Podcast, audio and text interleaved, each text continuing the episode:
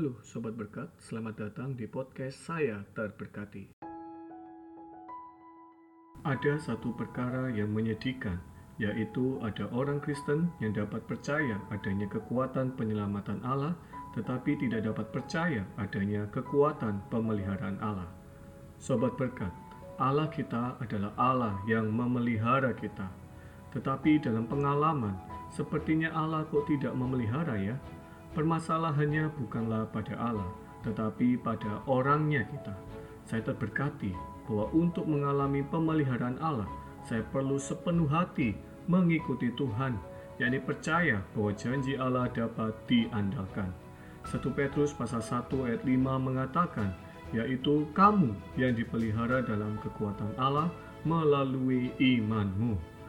Kaleb ialah seorang yang mengalami kekuatan pemeliharaan Allah dia tahu bahwa Allah pasti akan membawa bangsa Israel masuk ke tanah permai. Dia tidak ragu meskipun ada bangsa enak yang perawakannya tinggi besar.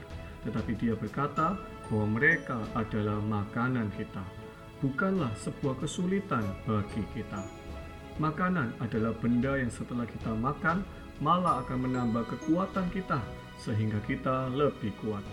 Saya terberkati setiap kali saya menemui kesulitan, saya perlu memandangnya sebagai makanan untuk membuat saya lebih kuat.